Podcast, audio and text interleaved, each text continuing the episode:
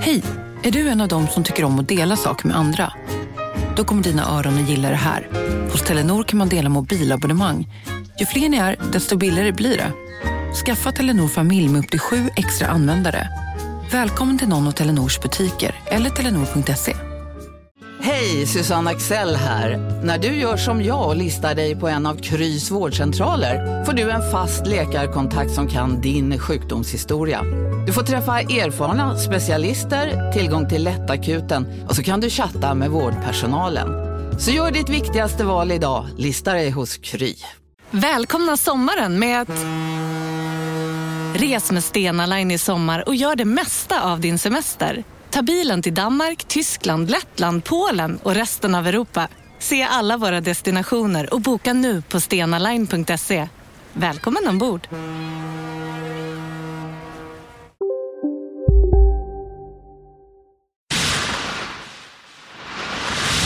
Den här podcasten är certifierad av Underproduktion. Vill du höra fler UP-certifierade podcasts så besök underproduktion.se. Trevlig lyssning. Della Sport!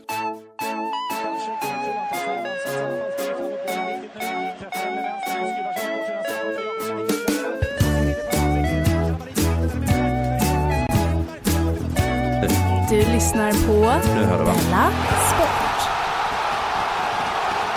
Då säger jag hej och välkommen till eh, Della Måns sportavdelning Della Sport. Jag heter Simon Chippen Svensson och så är K. Svensson med mig också.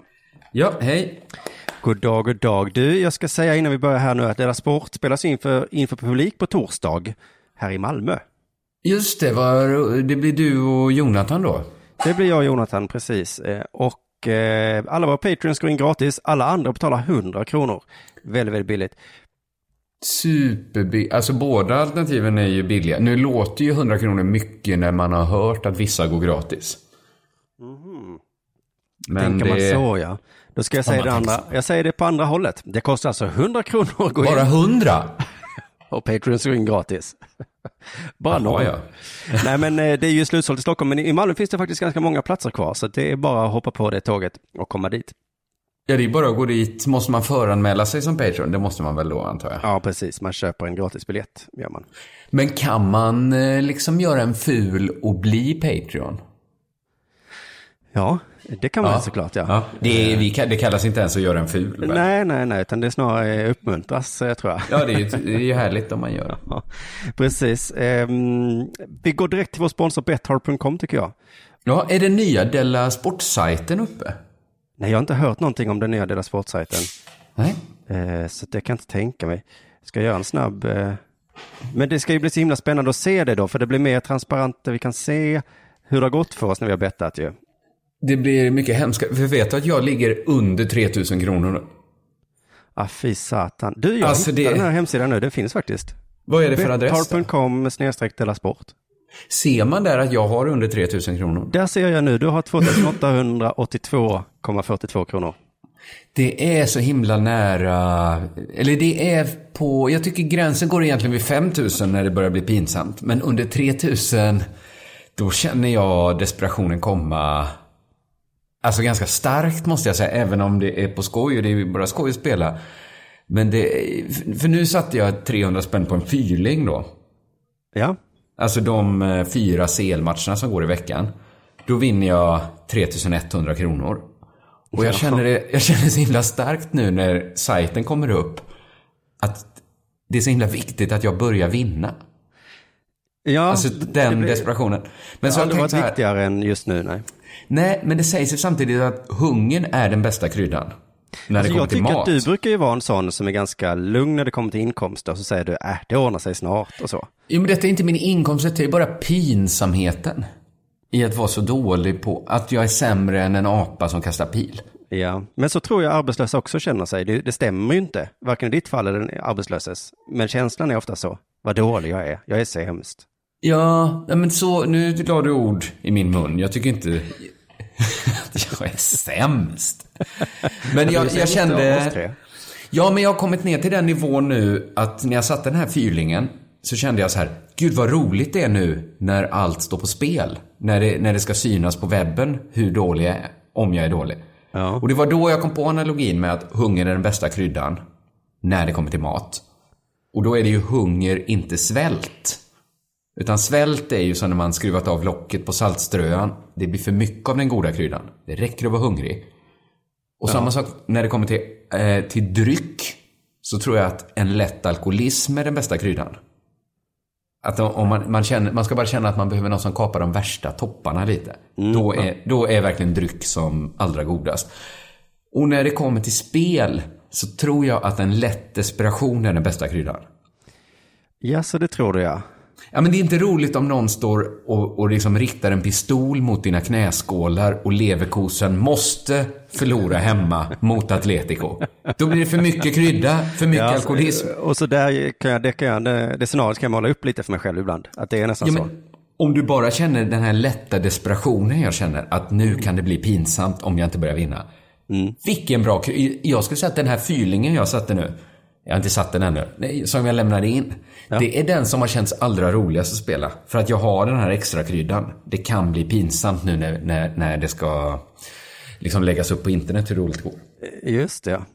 Eh, ja men vad bra att du har den, för innan har du ju varit en spelare av typen äsch päsch. Jag gör, jag gör roliga bets. Men nu Ja. har allvaret smugit sig på lite. Jag har ju bara, jag har ju velat ha mycket pengar in. Och nu, nu ja. vill jag ju också det också. Nu måste jag in, nu har jag den lätta desperationen. Hur har du spelat? Ja men det var ju så här att i helgen nu skulle det avgöras om det är så att det är jag som styr resultaten i matcher. Mm, just det, om Jinx existerar. Just det, och om det i så fall var jag som styrde Jinx. Eh, för då skulle jag då satsa på, på Leicester mot Liverpool, nej på Liverpool mot Leicester, men då hade jag satt på fel datum där. Så jag tror det är nästa helgs matcher. Aha, men det är så himla svårbevisat. För att först ska det bevisas att Jinx finns överhuvudtaget. Ja, Alltså att paranormala aktiviteter är verkliga. ja, ja. Och sen att det är just du av alla människor som är Ja. den som, som påverkar jinxet. Alltså det är ganska stora saker på spel här nu, men så såg jag att jag har för länge sedan också sett fel på datum. Jag är tydligen inte så bra på det här. Eh, så satsade jag på Juventus mot Porto. Jag tror det var för två veckor sedan. Och så är den matchen nu i veckan. Den har jag också spelat på. Och då har jag ju, är det ju så att Juventus har inte förlorat eller tappat poäng på liksom ett år i princip. Nej. Och jag Förutom satsat- när jag spelar på dem en gång. Ja, och nu har jag satsat på Juventus, så nu är vi där igen. Då kan vi säga att detta är som ett litet test här då för att se om Jinx funkar. Eh, Nej, för vet du, du kommer inte kunna separera det. För att jag har också Ah. spelat på Juventus. Så du kommer inte veta om det är din jinx som funkar. Okej, för att annars tänkte jag att vi på onsdag då kunde se om jag var någon slags mittpunkt i universum. Eh, Ja, det- Vi är nere på, det, det, då får väl du och jag gå upp mot varandra och spela olika någon gång så vi kan liksom separera. De det enda vi kan bevisa nu på onsdag är att du och jag är i mitten av universum. Eh, Alltså så- vi kanske kan bevisa att fenomenet existerar överhuvudtaget. Just det, men sen gjorde jag den här dumma också, för jag gick in idag och så såg jag att det är någon eh, Champions League ikväll. Aha. Och då såg jag att Leicester hade nio i odds. Den har jag också spelat på den matchen. Och då vet jag ju att Betthard står sådär, kom, kom, kom, kom, kom, lägg Kom, lite kom, pengar här i den här lådan. Spela på Eh, Leicester. De vann ju en gång. De har ju vunnit en gång. Någon gång vinner de. igen. Och så satsade jag eh, på dem ju såklart. Eh, men det blir ju eh, det blir spännande i vilket fall. Satsade du också på dem då? Nej, nej, nej. Nu går jag för att vinna Simon. Inga mer nio i odds. Vi, har, vi går om varandra i, i huvudspelar. Ja, men min fyrling gick ju upp i tio sammanlagt. Så att, att den sitter ska ju vara svårare än att Leicester Ja, vinner. ja, just det. Om oddsen är riktiga. Men oavsett om jag förlorar eller vinner ikväll på det där vansinniga bettet som jag gjorde så vet jag att jag kommer få en spännande kväll ikväll. Jag kommer känna känslorna arg eller glad. Ja, Och det, det, är sant. tycker jag Betthard borde satsa mer på. Känner du dig tom inombords? Vill du Vill känna, du känna känsla? en känsla? Ah, Är det inte viktigt för dig vilken känsla? Nej, just det. det är där många går bet på att de bara är ute efter vissa känslor liksom. Precis. Ofta är ju problemet, man brukar ju säga att motsatsen till kärlek är inte hat, utan likgiltighet. Ja, just det. Det Precis. kan Betthard få. Eh, vinnare vågar mer och motsatsen till kärlek. Motsatsen till att vinna är inte att förlora. Motsatsen är att inte spela alls. Just det, där satt den jag motsatte vinna inte. Så att om man förlorar på ett bett så är man inte en förlorare, utan då är man... Du är en ja, spelare. Du är en spelare helt enkelt. Ja, Vi tackar i alla fall betthard.com tycker jag. Tack så mycket tack för att ni är med oss. Tack, tack, tack.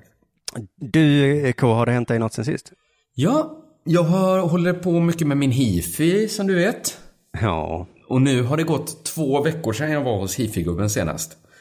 Först var jag bortrest en vecka. Och sen hade jag ganska mycket att göra och så skulle jag gå dit i slutet av veckan nu. Eh, men så blev jag kontaktad av en man på Facebook som sa att han hade massa hifi som jag kunde få. Helt, Jaha, alltså en eh, lyssnare då? Som, oj, oj. Ja, precis. För han, hans brorsa har tydligen jobbat med ljud på något sätt och sen flyttade han utomlands för 15 år sedan och lämnade alla sina grejer hos den här mannen. Och, och, så nu har han tröttnat på det och så har han börjat slänga saker. Och så miss, när han stod och hystade ut eh, fullt fungerande hifi så, kom han, så lyssnade han på Della Sport och hörde att jag var på jakt efter hifi. Så då så. kunde jag få komma och hämta hifi hos honom. Shit, så då gick. Då gick jag inte till hifi-gubben på, på resten av veckan för att jag skulle träffa han igår då, söndag. Ja. Så då åkte jag och Isidor Olsbjörk, som, jag, som var i stan, som jag ändå träffade igår kväll. Aha. Vi promenerade bort till hans lägenhet vid Zinkensdamm. Supertrevlig människa. Han hade ganska mycket högtalare och sånt. Eh, ingenting som skulle funka i, i vår lägenhet, tyvärr. Det stämde inte med färgskalan. Ja, det känns det. lite futtigt att säga det när det handlar om hifi. Man vill ja. vara mer så prestandainriktad än att eh, fanererna ska vara i en viss färg. Men nu, nu är det som det är. ja, det låter faktiskt helt sinnessjukt. Men vet du att du kallar dig för en hifi-människa och sen så säger du nej för att högtalaren var inte rosa. det var jättefina grejer. Men det var så himla roligt att få krypa runt hos en främmande människa i hans helt överfulla vindsförråd. Jag liksom kröp runt som, som liksom en sån här grytdjur. Mm. Jag byggde liksom gångar där jag kravlade in och letade runt. Hittade en gitarrförstärkare. Tack så mycket. Ett notställ. Nej men, oj. Och Isidor hittade en kortlek. Trollkarlen hittade en kortlek. Men... Sen, sen, gick vi ner till lägenheten och drack gin and tonic. Men då fick ni allt det här gratis? Ja, Isidor trollade lite med sin nya kortlek. Alla var nöjda. Men oj, oj. ingen hifi. Ingen hifi. Nej, alltså nu är det ju, nu är det ju bestämt. Du kommer aldrig få någon hifi, för nu har du jo, visat... Jag, jag ska gå till hifi-gubben imorgon. Att du inte... Men vad var det för färger som inte passade in? Svart. Svart som passar in i allting, eller? Nej? Va? Jag använder inte svart. Du sa men... att du till och med skulle sluta använda svarta strumpor. Ja, jag använder inte svart heller, men jag trodde svart var... Supermycket hifi är ju i svart. Ja. Men jag tycker det är en så tråkig mollstämd färg. Ja, det är det. Men vad, vad ja. finns det då? Brunt eller? Vad ska du? Trä. Ja, ja, ja. Trä. Sen har mitt barn blivit riven i ansiktet av min katt. Mm. Där hände det. Hon, ja, det var en tidsfråga. Det var, ja, för att hon älskar den katten och tycker den är så himla spännande. Men hon kan inte klappa en katt. Hon vet inte hur man gör. Jag Nej. upptäckte nämligen att när jag skulle byta blöja på henne så höll hon sin lilla hårda bebishand helt knuten. Så jag bröt upp fingrarna. Hela handen full med katthår. Som hon liksom... Jag skulle vilja säga att det var bit av katt kvar på dem, men det var det inte riktigt. Eh, så jag, jag, och då känner jag så här, katten måste ju ha rätt att försvara sig. Så jag är inte helt emot det där att hon rev barnet i ansiktet. Nej, nej, utan det är ju mer ditt ansvar att ha koll på så att det... Precis, att de inte ryker ihop. Och det ja. är sån himla känslig balansgång. För nu rev hon eh, bebisen på näsan. Det är okej, okay. det ser bara gulligt ut. Mm. Två centimeter upp, kanske en och en halv centimeter upp, lite snett åt sidan, så hade hon rivit ut ögat. Och då är mitt barn kanske blind och jag måste avliva katten. Så det är så himla höga insatser på den lilla leken de har. Just det, och det var också, det är roligt att det är gulligt på näsan. Inte så gulligt med ett bebis med inget öga på vänster sida. Nej, nej, jag tror inte det. Det som är läskigt ut. Ett barn med emalj, bebis med emaljöga. Det, och då ingen katt mer. Det... Varför måste man avliva katten menar du? Är det för att visa för omvärlden? Men jag kan väl inte ha en katt som river min bebis i ögonen? Du har ju en katt som i princip river din bebis i ögonen. På näsan. Det är, det, jag tycker ändå det går en gräns där. Katten får leva. Det hemska är ju att jag borde ju avliva katten i förebyggande syfte i så fall. Just det. Men det, det, sånt är jag ändå emot. Vi får se hur det går. Vi får se. Har det hänt dig någonting sen sist? Ja, jag har blivit illa berörd eh, faktiskt. Jaså? I fredags kväll satt och drack vin med några vänner så eh, kom Pewdiepie upp som diskussionsämne. Aha. Känner du igen Pewdiepie? Eh, han har dragit ett skämt som upplevs i alla fall som antisemitiskt. Ja, någon sa liksom slentrianmässigt sådär att han var antisemit. Och då blev jag så himla, himla arg. Aha. Och det intresserade mig att jag fick de känslorna, men jag bara kände att det måste få ett slut nu, att de här tidningar medvetet missförstår för att få klick. Eh, Du menar att Pewdiepie inte är antisemit? Nej, för det var faktiskt min känsla också när jag hörde om detta, så tänkte jag så, ja, ja, nu har han hållit på den där jävliga Pewdiepie. Jag gillar ju inte honom så mycket, så jag tänkte, det kan han gott ha. Aha. Men sen när jag liksom faktiskt läste om vad som har hänt så, så var det inte alls det som är så. Eh, så att oavsett vad jag tycker om hans konst så kände jag så att nu måste jag ställa mig upp på den här vinkvällen och så sa jag stopp! Han är inte antisemit, sa jag. Nej. Nej. Och, eh, och jag, eh, för jag såg en video på Aftonbladet där Pewdiepie ger sin bild av vad som har hänt då. Och bland annat så ber han om ursäkt faktiskt. Förlåt för jag var antisemit. Ja, ungefär så. Det tycker inte jag han hade behövt göra, men okej då. Men skämtet då, då som det talades om var att han hade, det finns ju någon hemsida där man kan betala fem dollar för att få vad som helst gjort. Man kan få en teckning, man kan få, Ja, just det. Och då bad han några, några liksom hålla upp en skylt där det stod att man skulle döda alla judar. Ja, jag såg den faktiskt den filmen. Alltså det var svårt att hålla sig för skratt, för det ser så himla roligt ut. Ja, det var ju, ja precis, jag fattar. Och, ja, det är ju, är det inte, han skojar med den sidan väl? Ja, det gör han. Och oavsett om jag inte hade tyckt det var roligt så att kalla det för antisemitism, det, då, alltså, då tror jag man måste vara utvecklingsstörd för att tolka det så. För det är det absolut inte. Alltså då, då har man liksom ingen bild av verkligheten Men om man tolkar måste man vara utveckling, om någon säger döda alla judar, Ja. alltså tolkningen att det var, det var ändå antisemitiskt sagt. Tycker inte jag är så långt borta ändå som du vill göra gällande. Även om jag också fattar Pewdiepie. Ja, men om du säger, men nu han sa, ja, nej, men det är ju om du tittar på det så förstår man att det där är ju inte eh, antisemitism i alla fall. Men i alla fall, han eh, ber i alla fall inte om ursäkt då för att Washington Post hävdat att han heilat då när han pekat uppåt. Alltså det är himla roligt, han har liksom pekat åt sidan och då har de gjort en sån eh, printscreen eh, eller vad det heter, eller, och, och då så titta, han heilar. helt otroligt. Men han pekar. Han pekar. Eh, det var flera andra roliga exempel där han då har sagt, eh, undrar hur man kan ta det här ur sitt sammanhang och så tar han på sig en nazistuniform. Ja. Och sen så har då de tagit det ur sitt sammanhang. Han har också gjort det lätt för dem som vill ta saker ur sitt sammanhang genom att då ett heila, två ta på sig nazistuniform, tre säga att alla judar ska dödas. Ja, så kan man ju säga. Eh, men han har, ja, eh, vill ni missförstå mig så gör det. Så har han sagt. Och så har de då missförstått honom. Ja, ja. Aftonbladets rubrik på den här är Pewdiepie publicerade ett klipp som innehöll antisemitism. Hur Ja. kan det vara rubriken? Rubriken borde ju vara media försöker medvetet för- missförstå för att få klick. Igen! Så, så borde Just rubriken det. vara. Ja. Och det som irriterar mig är att media måste göra mig till en Donald Trump-supporter. ja, det är tråkigt att de gör det. Ja. Ja, jag skulle jättegärna inte vara det. Men om de nu medvetet ljuger för att få klick, då är det ju, då vet jag inte vad jag ska Ja. ta vägen annars riktigt. Jag tror det är ett så himla dåligt sätt att bemöta fake news på. Med egna fake news. Med egna fake news, ja. Nej, men för det här var faktiskt så himla, himla, himla uppenbart eh, elakt gjort av Washington Post. Hur som helst, det var inte så roligt. Jag bara kände att jag var tvungen att ställa mig på Pewdiepies sida här lite, för jag fick den här känslan inombords att eh, om inte jag gör det, då kommer inte han Vem gör det då? sen. Nej, precis. Men jag Det kan berätta något eh, lite roligare här också, Ja. för att eh, eh, eh, ni sa i förra avsnittet att jag var en sån som hatade Stockholmsmedia, som beskrev Malmö som ett farligt ställe. Ja, just det. Att jag kunde stå där med ett blödande spädbarn i famnen och säga, Eh, ja, skriv inte om tycker- det här. Det har skett en liten förändring ändå. Nu när vi hade under jordklubben i förra onsdagen. Ja. Då skämtade nästan alla Malmökomiker om att det var så mycket skottlossningar. Just det, och med också att det var, nu, nu har det väl gått. Nu har det gått för långt. Men Gränsen gick säga- mellan 12 och 13. ja.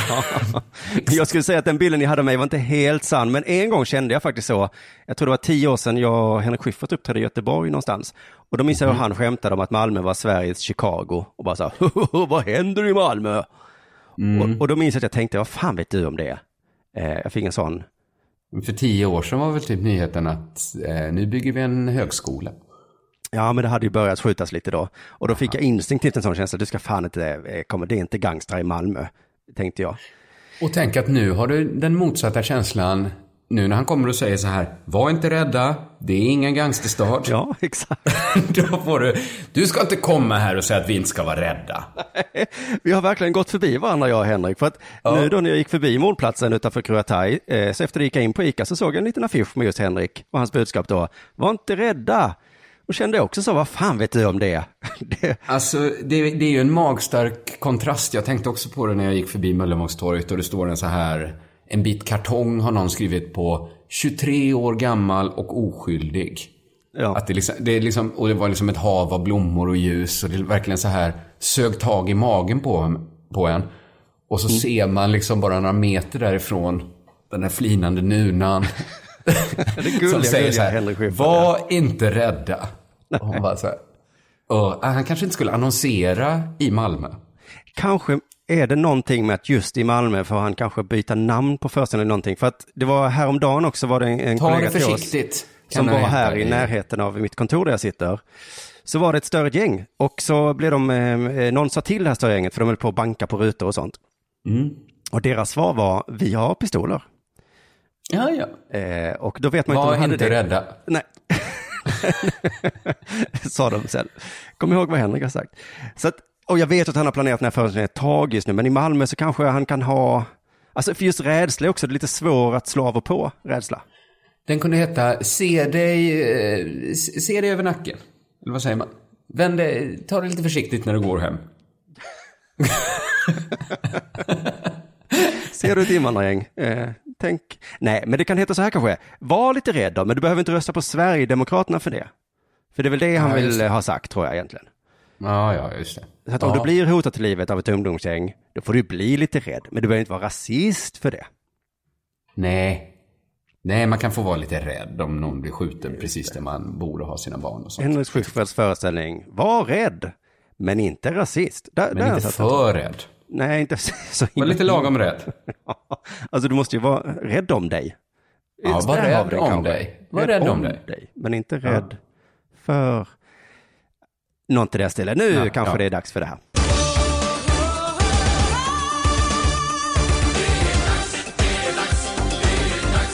Jo, du vet du vad, det har sålts handbollslotter i en eh, hockeyarena i Karlskrona.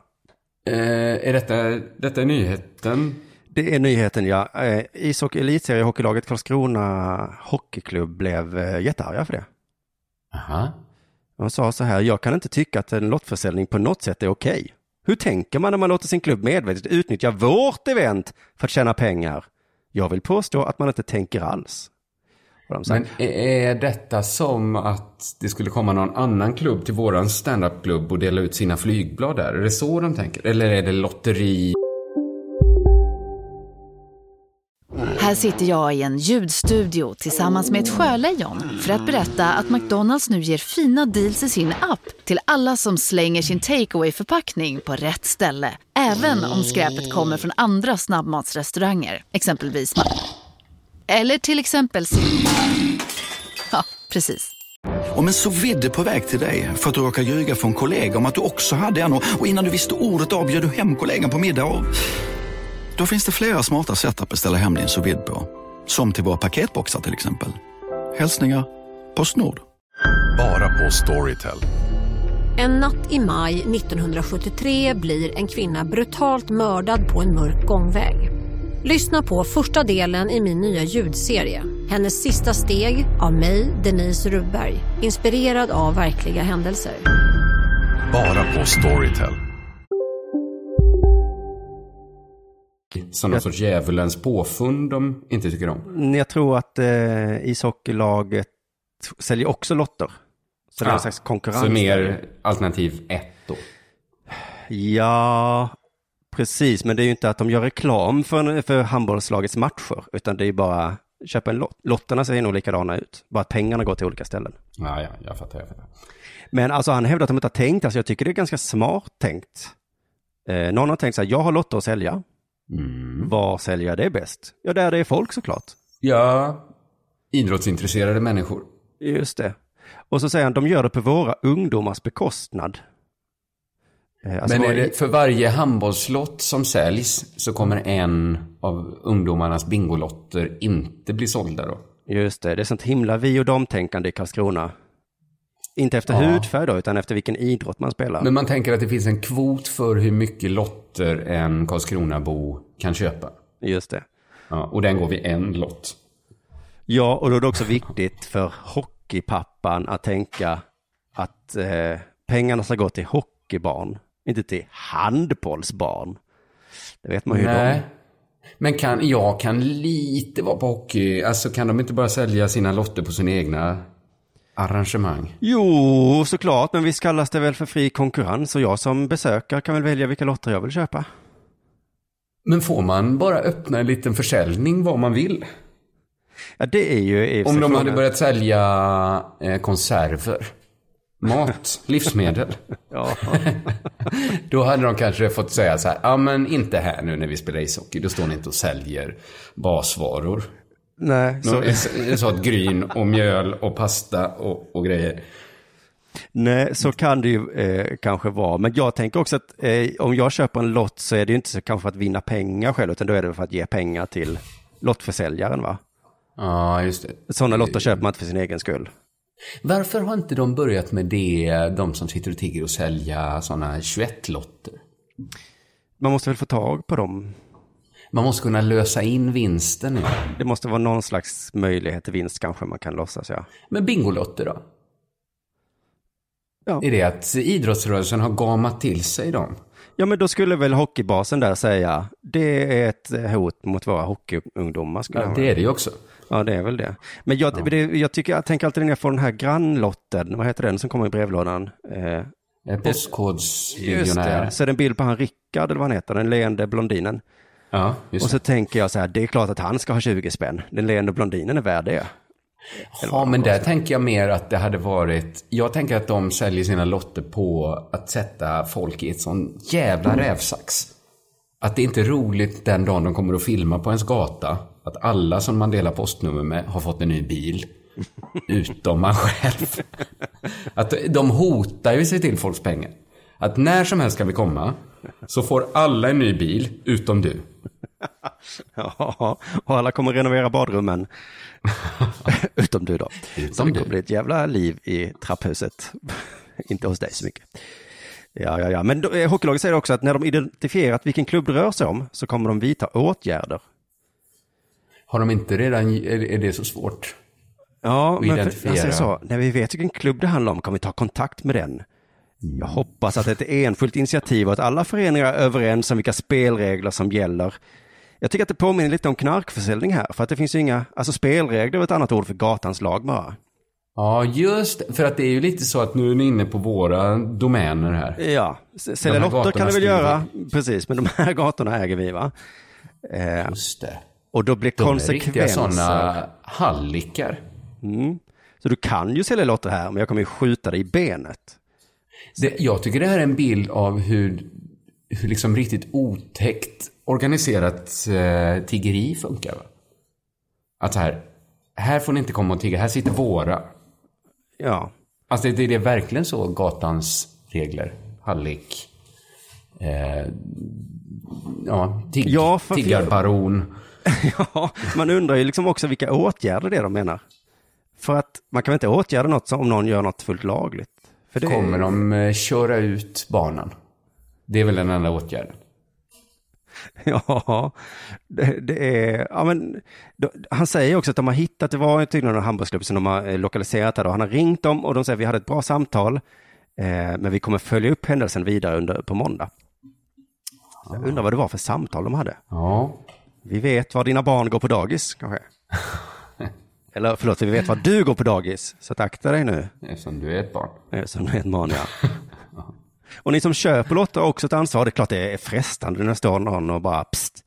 Lotter, Triss, Tian, hockeylott, handbollslott. Då säger man nej! Så rapporterar man det vidare va. Så går man till ett ställe som man vet eh, får sälja lotter. Just det. apotek. Så ska det gå till. Eller vad det kan vara. Jag läste en krönika i Idrottens Affärer, signerad Åke Stolt. Ja, Eh, Du känner till Åke Stolt, antar jag? jajamensan.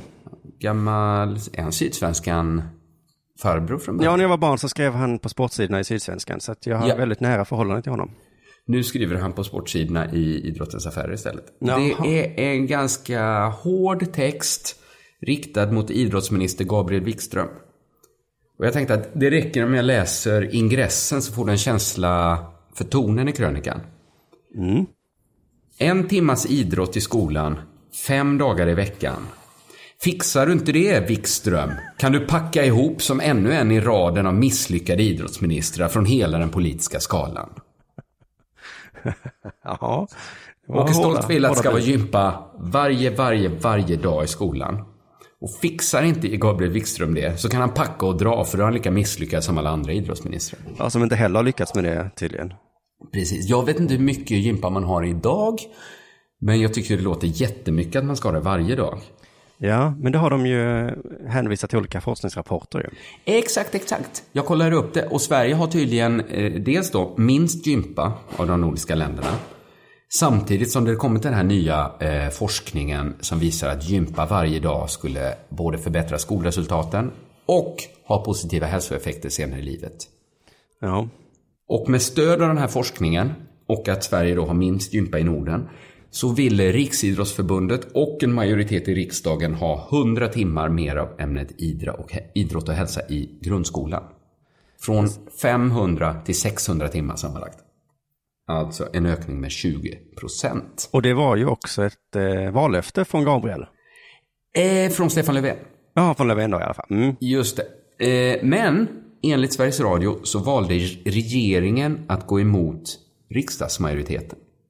Och det fattar inte jag hur det går till. Visst har man fått lära sig att riksdagen är vårt högsta beslutande organ. Ja, jag försökte läsa på detta. Hur går det till om hela riksdagen röstar för något? Kan ändå regeringen säga nej?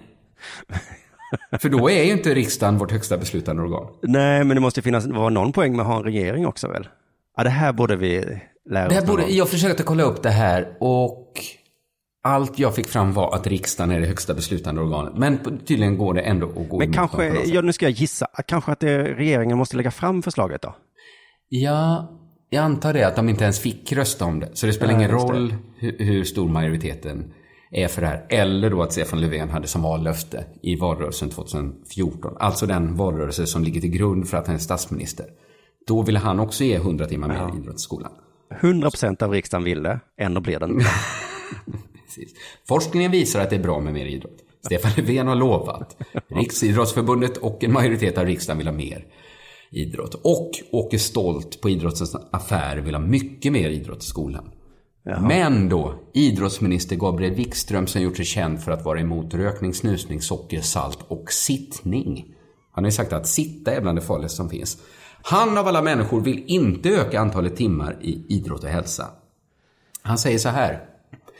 Vad som blev uppenbart för oss i regeringsställning är att kvaliteten på idrottstimmarna varit alltför låg på allt för många ställen i landet. Kvaliteten måste komma i första rummet innan vi ökar antalet timmar. Så när sossarna, det är ju en sak att lova när man är i opposition. Mm. Men när sossarna kom i regeringsställning så blev det helt uppenbart för dem att kvaliteten på gympan är för låg. Eh, och jag, återigen är det som att jag inte riktigt fattar vad de säger. För jag kan ha missat något väsentligt. Men måste det verkligen vara superhög kvalitet på skolgymnastiken? Vad betyder det att det är för låg kvalitet på idrottstimmarna? För dåliga innebandymatcher. Man passar inte. Folk bara dribblar. Folk skjuter slagskott. Fast de inte får. Jag, Det är väl, ja precis. Och vad att, betyder eh, det att det är för låg kvalitet på gympa? Att barnen inte, rör- att de inte liksom kommer i luckan? Eller vad, vad Nej, är de- låg kvalitet Det kanske är då att de inte rör sig. Ah, jag vet inte fan hur de får ihop det. Nej. För just en Nej. gympalektion k- får lov att ha ganska låg kvalitet tycker jag och kan ändå vara... Precis, det kan ju vara spring tio varv runt skolan. Det är jättedålig kvalitet på en sån lektion. Men det, det gör tricket ändå tror jag. Ja. Jag har då, eh, eftersom jag inte fattar så mycket av det här, så har jag tagit fram en hypotes om vad allt det här handlar om. Och jag, min hypotes är att skolidrott är ett helt unikt politiskt ämne. Om man jämför med andra politiska ämnen. Om man till exempel, man kan så här eh, känna solidaritet och engagera sig för eh, Amerikas ursprungsbefolkning utan att vara indian. Eller hur? Ja. Man kan eh, engagera sig som man i feministiska frågor. Mm. Man kan vara rik som ett troll men ändå solidarisera med arbetarklassen. Ja, man behöver lite empati bara. Ja, men i nästan alla frågor kan man gå utanför sin personliga bakgrund och erfarenhet. Men när det kommer till skolidrott så går inte det. Där är man 100% färgad av hur man själv upplevde det. Jag tyckte skolidrott var kul. Det tror jag Åke Stolt också gjorde. Just det. Jag och Åke har inget emot mer gympa i skolan. Min fru hatade att behöva spela bollsport ihop med massa killar som tacklades och sköt sitt hårdaste. Hon tycker man ska ha könssegregerad gympa. Ja. Och min hypotes säger då att skolgymnastik inte riktigt var Gabriel Wikströms bästa ämne. Just det, och jag kan tänka mig att det är många i eh, riksdagen. Alltså det är någonting att det är så väldigt lätt att se Gabriel Wikström byta ut sig själv. Och sen sitta på den här långa bänken, pilla på sitt gröna band. Det är så himla, himla lätt att se Gabriel Wikström ha orientering och sen stå liksom bakom gympahallen med en nål och kopiera någon annans stämpelkort. Ja, och så har han någon sån här pannband på sig som sitter lite, lite snett. Får jag gissa så är Gabriel Wikström lite, lite bollrädd. Ja. Jag tycker han utstrålar lätt att få näsblod. Om jag säger så. Men, men, där, det här säger- men om det här jag kastar jag in. Stefan Löfven i mixen här. Ja, så tror jag att han kan ta en medicinboll med ansiktet. Ja, i och för sig. Det här säger jag inte för att håna Gabriel Wikström. Utan för att min hypotes säger att i den politiska frågan skolgymnastik så går det inte att abstrahera från sina egna upplevelser. Och därför är det så självklart för Åke Stolt som bara dönade sig igenom skolgympan. Man vet att han har kastat en handboll sitt hårdaste i ansiktet på någon som Gabriel Wikström. Ja. Och därför kommer han till slutsatsen att Gabriel Wikström är misslyckad om han vill ha mindre än fem idrottslektioner varje vecka. Och det är därför Gabriel Wikström, i strid med sossarnas vallöfte, riksdagens majoritet, forskning från Lunds universitet, inte vill ha med gympa. Han säger så här, istället för gympa vill han införa mer rörelse under skoldagen. Han Ja. säger, den här enklare formen av rörelse som inte kräver dusch efteråt ska aktivera de barn som verkligen behöver röra på sig. Nej men stackars Gabriel. Ja, gärna rörelse men inte så mycket som man måste duscha efteråt. För då står någon Åke Stolt där. Snurrar en våt handduk och snärtar en Gabriel Wikström. Uff, stackars Gabriel ja. Nu fick jag Det känslan. här är inget jag vet någonting om. Nej, Det är en hypotes. men det är väl högst troligt ja. det Men det är ju en sinnessjuk man som säger vi ska ha mer idrott men inte sånt som kräver Inte dusch. så mycket som man måste duscha. För då kommer Åke Stolt och frågar, är du med i Röda Handen? Gabriel Wikström säger, va? Nej, vadå? Jag är med i SSU. Smack, säger det. Handflata på ryggen. Nu är du, säger Åke Stolt. Du kan packa dina väskor och dra om du inte... Och då känner Gabriel Wikström att gärna gympa, men inte så att man måste duscha efteråt. Det var det. Gärna mer eh, matematik. För där är det Åke som sitter och stammar. Men det är också det att Gabriel Wikström gick sån samhällsvetarlinje med språklig inriktning. Och det var så himla mycket en sån skolka från gympan-linje ju. Just det, så det kvittar om man har mer gympa tycker han, för det är bara skolka. Ja, precis. Låg kvalitet. Du lyssnar på Della Sport.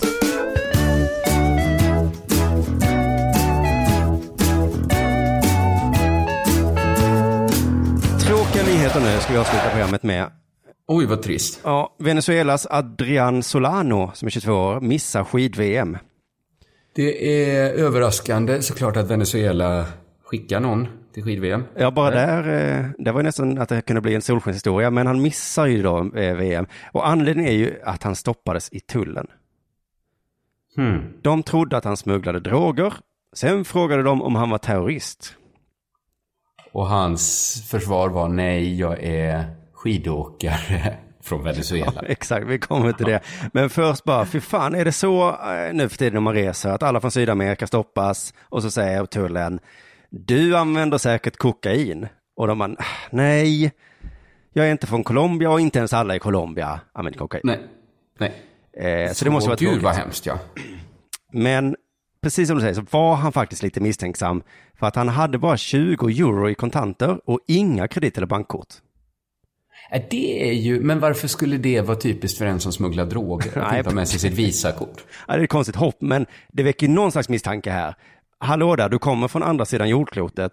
Hur länge har du tänkt att du ska klara dig på 200 Mm. spänn? Eh, det kanske går i Venezuela, det vet inte jag, men Men är det inte också talande om man inte hittar några droger på? Alltså då borde han, nej då, då gick det direkt till terror. Då är det terrormisstanken istället, ja. Men så där väckte ju någon form av misstanke. Du har bara 20 euro med dig. Och eh, sen kommer då, som du var inne på, nästa misstänksamhet. Eh, då, då kanske de frågade, "Va- eh, ursäkta herrn, eh, hur har du tänkt, vad, vad ska du göra? Och då säger han, jag ska åka skid-VM. Och tydligen skrattade de åt honom och sa, du kommer från Venezuela, där finns det inte ens snö. De har en poäng. Ja, tullarna har ju en poäng. Det kommer en kille från Venezuela utan bankkort. Man ställer lite frågor, vad ska du göra? Och han bara, jag ska åka skidor. och de bara, dra den om Rödluvan också va? Ja. Så jag vill inte Men det vara är så, ju hemskt ändå att han inte, att, att det är sån profiling. Ja, att det, jag tänker bara att han får räkna med det lite grann om man är den enda personen från hela Sydamerika som åker skidor. Då kanske man Mm. Är, är van vid att få lite frågor. Men hade han skidor med sig? Ja, det är ju den stora frågan. Ja. För att om man, in, om man hade skidor med sig, då måste ju tullen... För de hittade inga, inga vapen då, han kan inte vara terrorist. De hittade inga knark. Nej, vara- och ännu värre, De alltså hittade här- heller inga stavar. De letade, kroppsvisiterade, inga stavar någonstans. Men han satt alltså häktad fem dagar på flygplatsen i Paris. Innan Venezuelas ambassad eh, kunde kliva in och medla i frågan. Jag tycker lite att ambassaden får ta på sig det här, att de inte kom snabbare. Ja, men inte ens i Venezuela vet vem det är. Nej. Att de eh, fick väl ett samtal och de bara, va? En skidåkare? Ah, vi har ju inte ens en snö." Ja. ja, den där får vi jämt. Kolla om man har några pengar med sig. Nej, inte det. Oj, oj, oj. Oj, oj, oj. Men, eh, nej, men han tycker att det var rasister där. De trodde att han smugglade droger bara för att han kom från Venezuela och var mörk i hyn. Och jag, jag visst tycker är också det, att det är rasism. Ja, det är det verkligen. Men jag tycker att han måste ha någon form av eh, visitkort, kanske det står så. Sk- Kanske en bild på sig själv där åker skidor.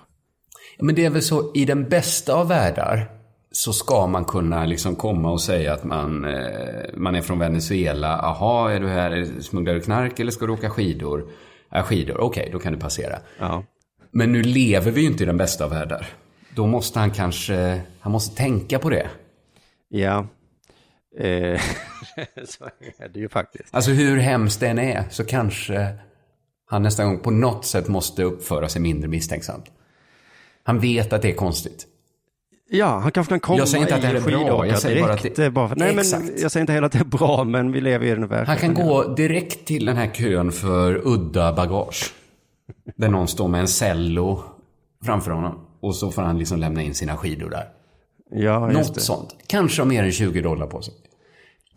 Mm. Kanske ta med ett Visakort. Det ska inte behövas. Men nu lever vi faktiskt i en värld där det behövs att man har ett visakort. Men gick det inte ens att googla, om man hade ett lägg, att han snabbt kunde liksom googla på sin telefon och visa att, men kolla här, venezuelska mästerskapen. Ja, det är verkligen konstigt, men det är ju min fördom om tullare då, att de är helt omöjliga. Har de fått en Eller så, eller så har han gjort någon skit, vet du. Oh. det. Ja, ja, nu sa jag det. Ja, det var, ja, vi vet inte, men det som är hemskt i alla fall, att, att han kom ut därifrån efter fem dagar, eh, men då hade de som krav att han var tvungen att åka tillbaka till Venezuela igen. Nej. Och då har inte han råd att åka tillbaka till Lahtis igen. Nej, för han hade börjat med, hade han tänkt vinna prispengar och flyga hem för, eller hur hade han? Nej, han hade väl köpt en tur. Men visst, det, är- ja, det är små marginaler skidåkarna i Venezuela har. Det får man tänka på. Att eh, det finns alltid de som har det värre. Ja, verkligen. Usch, vilken hemsk historia. Och det här hade ju kunnat bli en sån Eddie the Eagle-historia som han hade fått vara med där i VM. Eh, verkligen. Och, och, Men min spaning är att folk inte gillar, eh, jag pratade om det om Tyskland i bandy-VM. Att folk var bara sugna liksom på att ge dem på nöten. Just det, det kommer jag ihåg. ja. Och, det, ja. Och säkert i skidor så tror jag inte det är så kul för att loppet tar ju inte slut förrän den sista har kommit i mål. Nej, just det. Så att Just alla funktionärer och sånt får jobba extra. Det var ju det Eddie Eagle gjorde smart, att han körde backhoppning, att det är så snabbt avklarat. Ja, de enda Om som inte var glada var ju skyddsombuden på, i backen. Nej, just det. Det är intressant tanke om det finns en skyddsombud i, i skidhopparbackar. Ja, de måste ju känna att det är mycket, vi får nog... Ska vi göra vårt jobb så får ingen hoppa. Nej, nu har vi Det är så himla farlig idrott. Ja, verkligen. Usch då kommer vi på villovägar. Men tack så mycket för att du orkade lyssna idag och så hörs vi igen på onsdag. Då är det Dela Mond nästa gång. Du, ska vi tipsa om att man kan köpa biljetter till alla underproduktionsevent på underproduktion.se biljetter. Till exempel min föreställning Force Majeure. Just det, till exempel Underjord, Specialisterna Comedy Club, Anton jag Magnusson var och uppträ- Bödling. uppträdde på Specialisterna Comedy Club i eh, torsdags. Ja. Det är en så himla, himla bra klubb. Jag var lite chockad faktiskt. Det tycker jag, om, om ni bor i Stockholm varannan torsdag kan man gå till Dovas på Ringvägen och, och kolla in eh, Specialisterna Comedy Club. Ja, vad roligt att de... eh, Ja, superbra klubb. Ja, det var bra. Men då så, då säger vi så då så länge. Ja, tack Betthard som betalar kalaset. Just det. Hej. Denna sport görs av produktionsbolaget under produktion.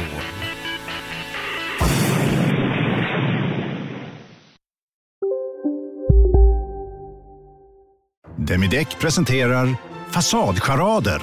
Dörrklockan. Du ska gå in där. Polis? Effektar? Nej, tennis tror jag. Pingvin. Alltså jag fattar inte att ni inte ser. Va? Nymålat! Men det var många år sedan vi målade. Demideckare målar gärna, men inte så ofta. Kolla menyn. Vadå? Kan det stämma? 12 köttbullar med mos för 32 spänn. Otroligt! Då får det bli efterrätt också. Lätt! Onsdagar är happy days på IKEA. Fram till 31 maj äter du som är eller blir IKEA Family-medlem alla varmrätter till halva priset. Vi ses i restaurangen på IKEA. Nej.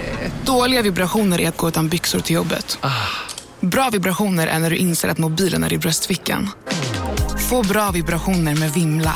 Mobiloperatören med Sveriges nöjdaste kunder enligt SKI.